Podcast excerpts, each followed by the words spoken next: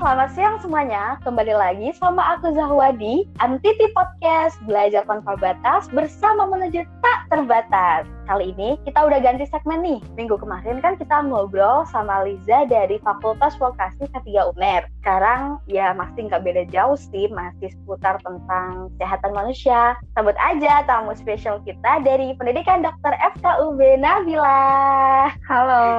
Hai Nabila. Halo Zahwa. Ya, Oke, buat Nabila bisa nyapa dan kenalan dulu sama kawan MTV Podcast biar makin akrab itu kita. Oke. Halo semuanya yang dengerin podcast ini. Kenalin nama aku Nabila Zainisa, bisa dipanggil Nabila. Aku dari Fakultas Kedokteran Universitas Brawijaya angkatan 2019, jurusan Pendidikan Dokter. Salam kenal semuanya. Yeay, salam kenal Nabila. Jadi, Nabila ini kawan aku yang udah dengerin podcast yang introduction pasti tau lah aku dari mana. Ya, sama kayak Nabila ini. Buat Nabila gimana nih kabarnya? Alhamdulillah aku baik kabarnya. Kamu gimana nih kabarnya? Oke, Alhamdulillah sama-sama baik. Oke, liburan ini emang kamu ngapain aja sih, Nab? Liburan ini aku sempat jualan sama sahabat aku. Tapi sekarang udah berhenti karena kan udah mau deket waktu kuliah. Aku juga Oke. olahraga, ikut webinar-webinar, udah gitu aja sih. Wih deh, ikut webinar nih tanda-tanda anak ambis ya. Enggak gitu. Tadi Nabila ngomong-ngomong kayaknya bahas tentang jualan ya. Emang kemarin jualan apa sih? Selama pandemi ini kan banyak nih ya yang tiba-tiba jadi hobi masak dan jualan masakan. Terus akhirnya aku sama Iya. sahabatku tuh ya udah tertarik buat ikut jualan juga. Yang asin-asin ada, yang manis-manis ada. Itu emang kalau setiap liburan bakal buka apa enggak sih? Aku juga bingung ya buat nanti liburan ke depannya gimana. Tapi emang tujuan aku kemarin buka buat ngisi liburan yang ini aja gitu loh. Cuma ke depannya belum tahu gimana rencananya. Ya, ini kawan MTT Podcast Nabila ini pinter banget masih cocok lah jadi istri zaman gitu. Enggak. Oke, Nabila kita menuju ke pertanyaan yang udah dinanti-nanti nih sama kawan MTT Podcast. Langsung aja nggak apa-apa ya Ya. Nabila. Tadi pendidikan dokter masuk jalur apa ya? Aku masuk, alhamdulillah, masuk lewat jalur SNM. Masuk jalur SNMPTN berarti udah nggak melewati UTBK, Mandiri dan bla Iya. bla bla Mm-mm. itu ya. Alhamdulillah. Berhubungan tentang SNMPTN. Nabila ini kelulusan tahun 2019 Iya, ya. benar. Nah, bisa diceritain nggak waktu itu SNMPTN gimana sih prosesnya dari uh, apa yang dibutuhkan atau gimana gitu? Mungkin bisa ceritain. Mungkin teman-teman pasti sebagian besar udah tahu ya kalau SNMPTN itu pakai yang namanya rapot dari semester 1 sampai semester 5. Gak cuma nilai yang bagus aja yang dibutuhin, tapi kalian bisa masukin sertifikat-sertifikat, khususnya sertifikat yang emang sifatnya itu pribadi dan akademik gitu, buat dimasukin ke berkas SNM. Mungkin buat milih-milih SNM nanti juga bisa dilihat rekam jejak alumninya sama indeks sekolah. Ngomong-ngomong tentang nilai rapot dari semester 1 sampai semester 5. Emang Mm-mm. itu yang diambil nilai apa aja sih? yang diambil tuh nilai yang eksak kayak matematika, biologi, kimia, fisika, matematika yang wajib ya. Terus kalau matematika peminatan tuh emang nggak masuk sih kalau di tahun aku. Terus bahasa Inggris, bahasa Indo. Emang di sekolah Nabila dulu itu dari lulusan mana sih Nabila nih SMA-nya? Aku lulusan dari SMA Negeri 2 Tangerang Selatan. Waktu itu SNMPTN Mhm. dipilih berdasarkan apa sih?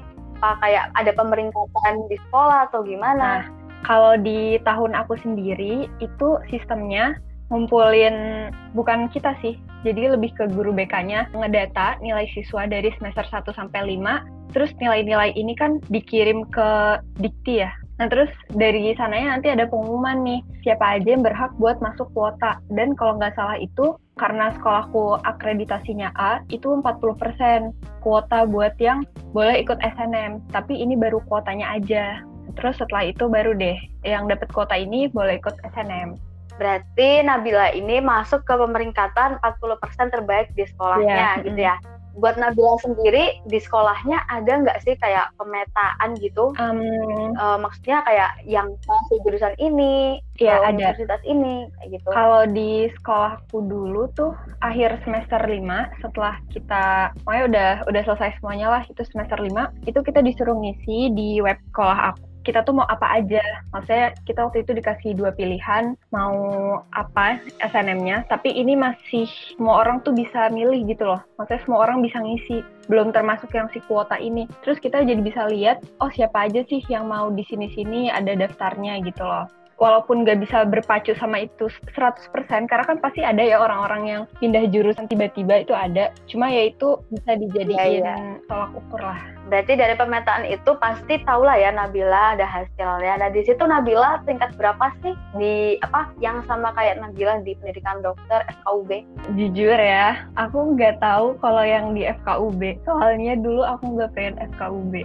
Terus kamu ngimput apa? Aku dulu tuh pengennya UNS. Okay. Cuma pengen UNS sih sebenarnya. Jadi aku punya plan kalau aku dapat kuota SNM, aku bakal pilih UNS dan kalau SBM aku maunya UGM. Terus karena satu dan lain hal, aku tiba-tiba pindah ke UB itu Hamin dua pembukaan pendaftaran SNM. Jadi jujur aku nggak tahu, tapi seingat aku emang ada satu anak di atas aku yang mau FKUB dan dia juga teman aku yang masuk ke FKUB. Jadi Nabila ini bisa dibilang kira-kira peringkat uh, pokoknya lima besar lah ya yang masuk ke pemetaan itu di FKUB kalau misalkan Nabila dari awal udah milih FKUB ya. Mm -hmm. Emang dari sekolah Nabila itu dipilih berapa sih? Maksudnya diambil berapa waktu itu keterimanya? Yang keterima SNM itu dua. Uh, yang satu tuh nih teman aku nih Axel.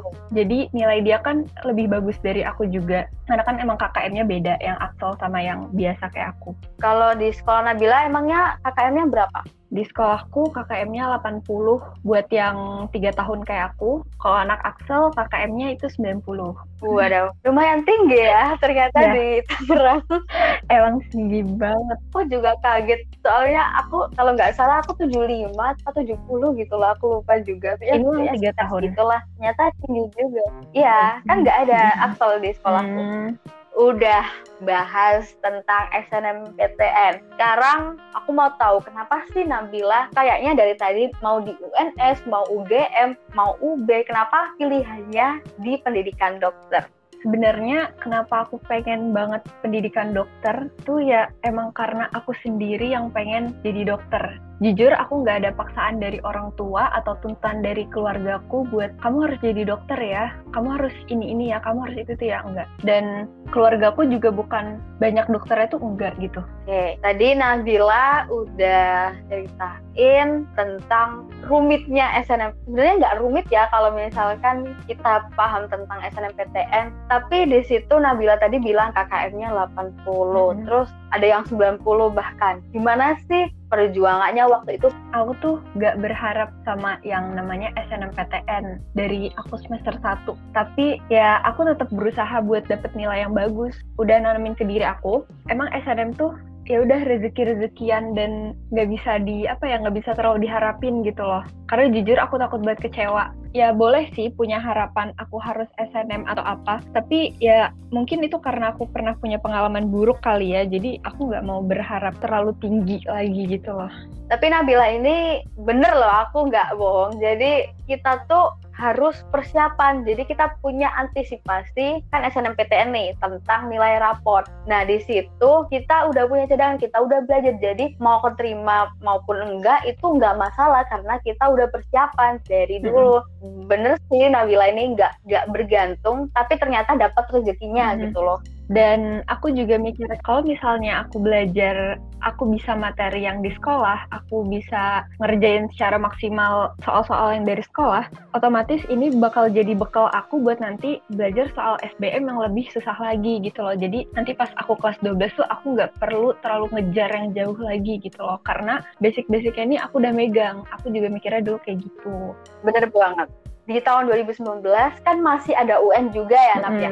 Ya barangkali ya di tahun-tahun berikutnya tiba-tiba UN diadakan lagi. Mm -hmm. Gimana sih Nabila bisa membagi kan biasanya kan ada yang tanya-tanya nih, gimana sih mau fokus ke SBM apa ke UN sih aku mau aku bingung gitu.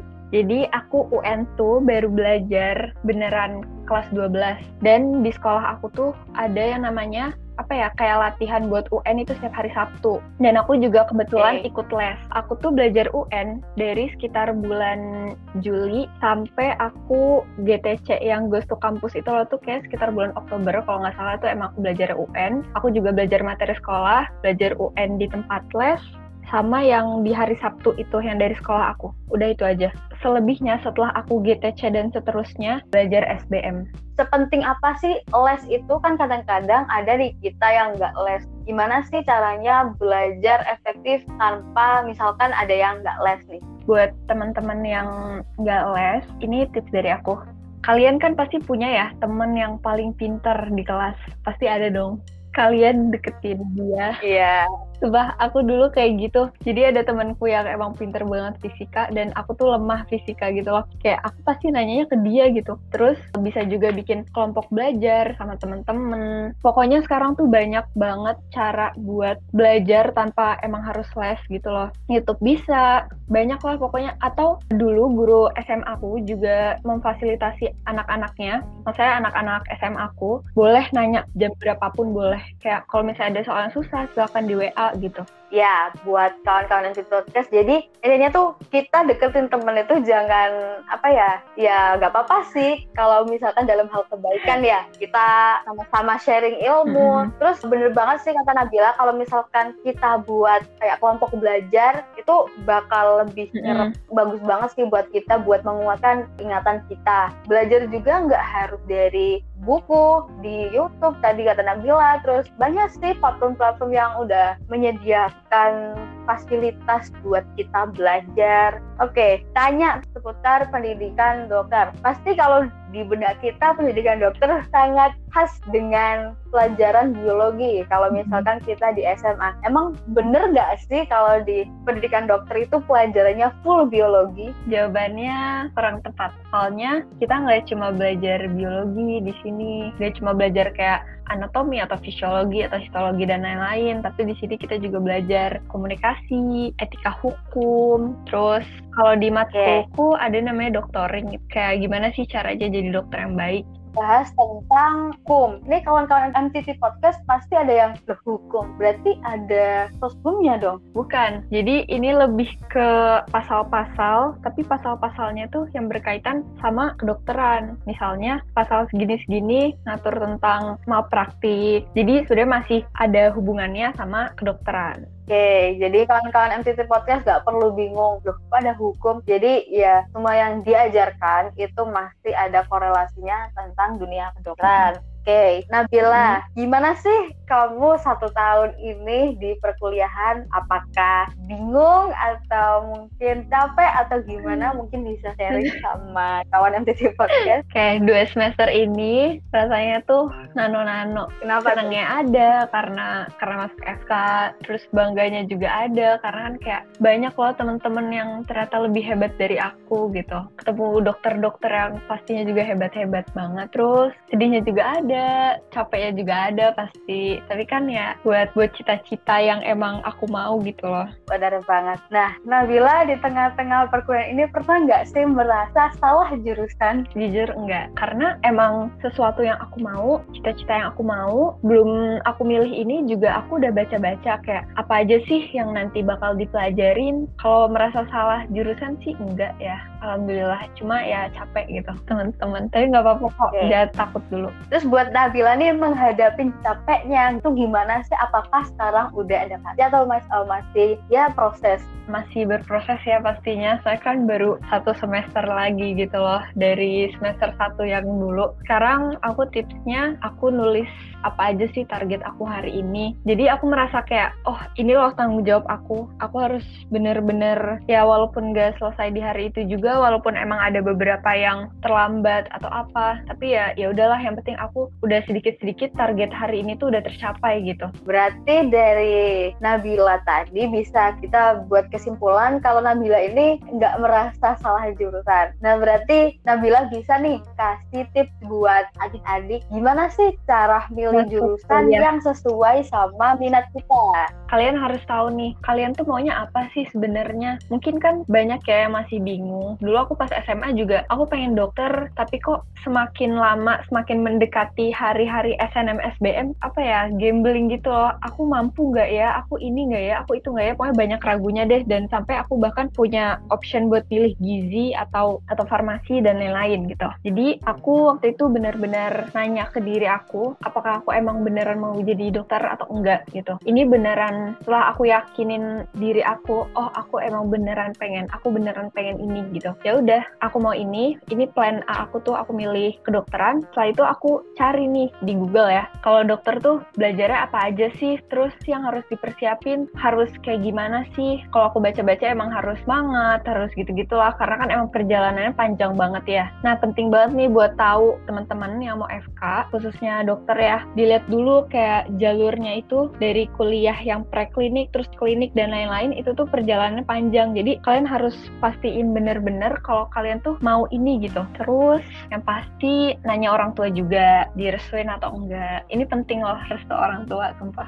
Jadi aku tuh dulu pernah gagal buat masuk SMA-nya Habibi Man IC itu karena kurang merestui aku di situ dan lebih pengen aku di SMA itu jadi emang restu orang tua tuh penting. Terus ya mungkin hal-hal lain di luar ini bisa diomongin lagi sama orang tua khususnya. Kan ini kita buat jadi dokter tuh masih panjang ya. Kuliahnya lebih lama daripada yang lain. Mungkin bisa dipikirin juga dari segi biaya dan lain-lain juga. Tapi ya nggak perlu takut juga sih karena kan ada beasiswa juga oke okay. buat kawan MTT Podcast banyak-banyakin riset mandiri lah ya bagaimana kalau hmm. belum jurusan yang mau kita ambil di perkuliahan oh ya tadi ngomong-ngomong Nabila berarti kita juga harus mempersiapkan ya tadi Nabila kayak sempat kepikiran buat pilih ke gizi mm -hmm. dulu SNMPTN Nabila pilihnya berapa jadi kalau SNMPTN di tahun aku itu kan dua pilihan ya terserah mau itu dalam satu univ atau yeah. itu beda univ terserah dulu tuh aku sempet gambling, aku gak pede gitu loh. Aduh nilaiku tuh cuma segini, kayak bisa nggak ya? Sedangkan banyak nilai teman-temanku yang lebih tinggi mau FK. Jadi aku kepikiran buat yang pilihan pertama itu F, pendidikan dokter maksudnya. Terus yang pilihan kedua tuh misalnya gizi atau yang lainnya. Terus udah deket-deket pendaftaran SNM nih, aku konsul ke BK. Jadi dulu aku sering banget konsul ke BK, terus sekitar lima kalian mungkin ada kali ya, terus sama orang tua juga. Terus aku dimarahin sama guru BK aku karena kayak kamu ngapain sih takut gitu loh? Ya udah nilaimu tuh ya udah alhamdulillah gitu loh kenapa harus takut? Kenapa yang satu harus gizi? Nanti kalau kamu nggak mau kamu malah malah nggak ngambil dan sekolahnya malah yang kena kan ke blacklist kalau nggak diambil. Jadi ya udah akhirnya setelah aku dimarahin yang sama guru BK aku aku pilih FK dua-duanya. Maksudnya pilih pendidikan dokter maaf. Jadi ini juga bisa jadi pesan ya buat kawan-kawan MPT Podcast walaupun tadi kita udah nentuin pilihan satu misalkan kayak Nabila nih pendidikan dokter. Nah pilihan kedua juga harus yang juga kita suka. Mm-hmm. jangan sampai kita pilih jurusan yang uh, gambling misalkan mm-hmm. apa tiba-tiba. Itu kalau misalkan nih dibuat kemungkinan terburuk pilihan pertama nggak keterima. Nah kalau kita sampai masuk ke pilihan kedua pasti di dalamnya juga bakal susah dan pokoknya serba susah lah ya. Nah itu bisa lah ya jadi pertimbangan dua-duanya. Jangan hanya oh aku udah yakin banget pilihan satu jadi pilihan dua terserah mau pilih apa jangan gitu. Hmm. pokoknya pilih yang emang beneran kalian mau gitu. Saya aku kepikiran juga nanti kalau aku gizi terus aku tetap pengen dokter nanti aku malah nggak ini lagi gitu. Jadi pilih yang emang bener-bener kalian mau. Kalau misalkan nih kalian berani SNMPTN misalkan kalian emang mau ambil pendidikan dokter nggak mau yang lain ya udah SNMPTN pilih satu aja aja ya, dan benar. bisa ya. kok milih satu aku dulu ya udahlah akhirnya kayak pasrah SNM tuh aku dua-duanya pilih pendidikan dokter. Tapi pas SBM bapakku tuh bilang kayak nanti kalau SBM kalau emang si SNM ini nggak dapet sampai nggak dapet lah ya SBM-nya ya satu aja pilih dokter yang yang pilihan duanya pilih yang lain gitu. Jadi biar nggak bunuh diri banget lah ya soalnya gitu. Kalian nih menjawab pertanyaan-pertanyaan kawan MTT Podcast. Mungkin ada yang kepo. Nah Nabila ini kan di pendidikan dokter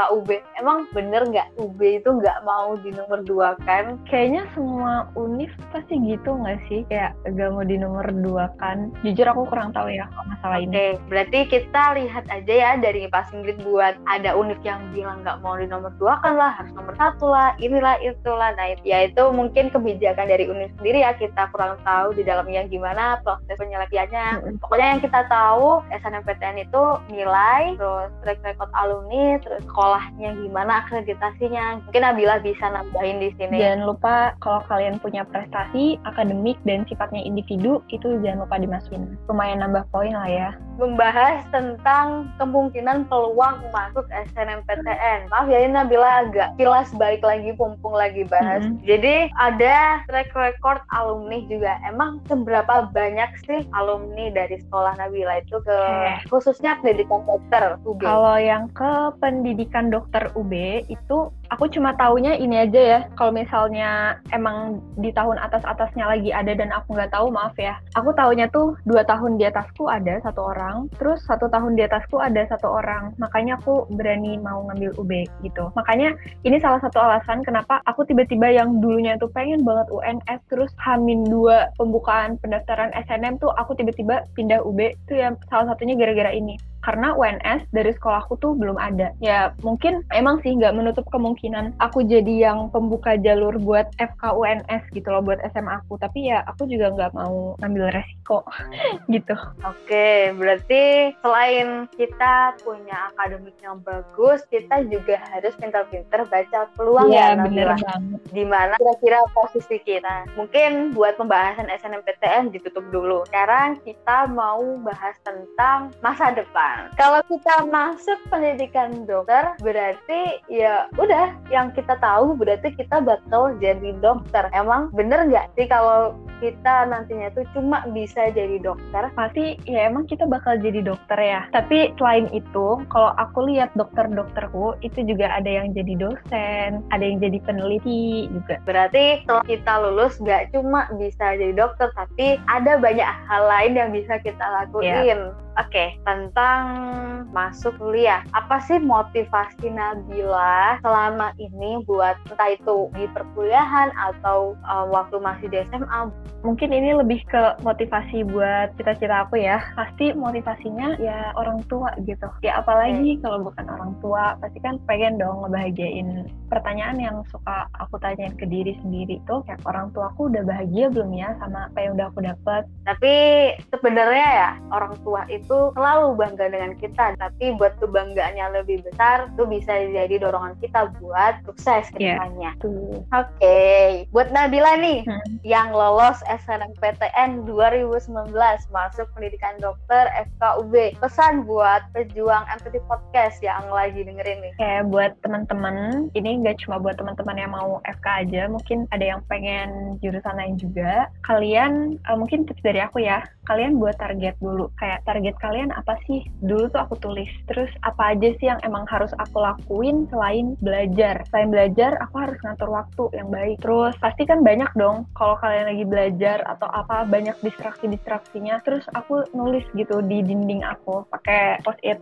aku gak boleh kayak gini-gini sebelum gini-gini. Jadi kan tadi bener ya bikin target. Terus target yang udah kita buat itu jangan cuma kita tulis kita tempel terus dilihat juga enggak cuma jadi hiasan kamar. Ya dulu aku kayak gini sih tapi ya ya udah setelah aku sadar kayak aku lihat aku baca lagi udah terpenuhi belum ya target-target aku? Selain itu kalian kalau emang punya cita-cita yang tinggi apa pun itu ya kalian harus memantaskan diri kalian buat cita-cita kalian. Misalnya pasti kan banyak nih ya kayak godaan-godaan diajak main sama teman atau apa. Main boleh cuma kan ada apa ya ada proporsinya masing-masing lah antara main sama belajar. Dulu tuh lagi zaman banget uh, main game yang bareng-bareng itu lah aku lupa lagi namanya apa. Dan teman-teman cewekku ini suka nongkrong-nongkrong di luar kelas. Ya dulu awalnya aku ikut-ikutan sih. Lama kelamaan kok aku mikir kok aku kayak gini-gini aja sih? Cuma main game. Kalau lagi jam kos ya ini di luar kelas gitu ngobrol ya gosip lah biasa cewek. Kok aku gini sih? Kayak aku sadar gitu loh aku dulu juga ikut kayak grup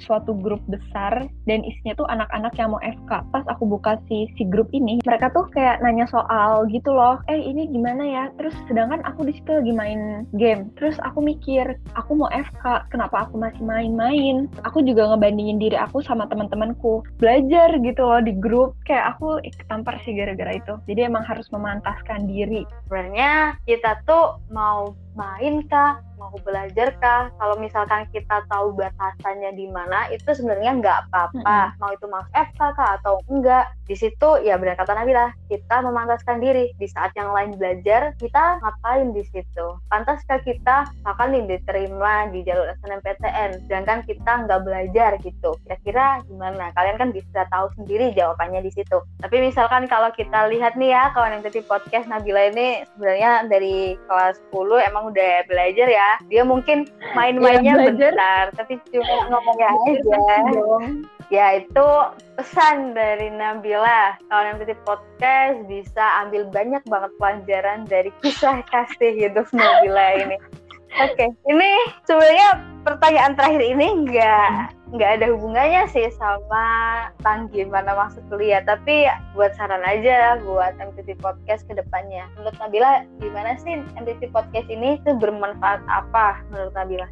Mungkin buat adik-adik yang kelas mau kelas 12 ini adik-adik SMA lah ya siapa pun kelas 10, 11, 12 ini bisa dijadiin hikmahnya eh hikmahnya pelajarannya. Kalau emang ada pelajaran yang baik silahkan diambil tapi kalau ada yang gak baik ya jangan diambil.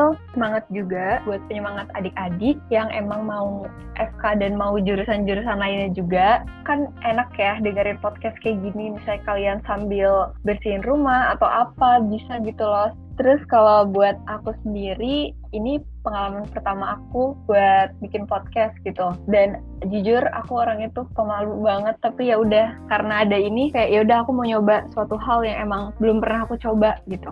Ya, Nabila ini salah satu temen aku yang cukup terlihat ambis ya makanya aku undang dia di podcast ini enggak sumpah okay. banyak yang lebih ambis ya kan salah satu ya. mungkin kalau misalkan teman-teman MTT Podcast ada yang tanya-tanya lebih lanjut tentang Nabila, mungkin tadi ada yang belum aku tanyain, bisa ditanyain langsung Nabila. Buat Nabila, apakah kira-kira open dan kira-kira hubunginya lewat mana nih? Boleh banget teman-teman yang mau nanya ke aku uh, lebih lanjut. Selagi aku bisa jawab dan aku bisa bantu, pasti aku jawab dan aku bantu juga. Kalau mau nanya, bisa ke IG aku, at NZS Nabila. Oke, okay, buat teman-teman kalau misalkan tanya nih tips-tips dari Nabila, cara belajar yang efektif mungkin tanya ke Nabila. Nah itu bisa di Instagram yang udah disebutin tadi. Oke, okay, mungkin buat segmen dari Fakultas Kedokteran sama Nabila cukup di sini. Dan buat yang belum dengerin podcast Fakultas Vokasi minggu lalu bisa cek dulu di platform podcast kesayangan kamu. Karena itu tuh bisa jadi pertimbangan kalian buat yang bingung besok setelah lulus SMA mau nerusin ke mana atau mungkin ada yang gap year mau ke mana. Nah itu. Dan sekali lagi terima kasih buat Nabila yang udah nyempetin jadi pembicara kedua di Altitude Podcast. Makasih juga Zahwa okay. yang udah undang aku. Oke, okay, sama-sama. Oke, okay, salam hangat buat kawan MTT Podcast. Sampai jumpa minggu depan dan dah. Dadah, semangat semuanya.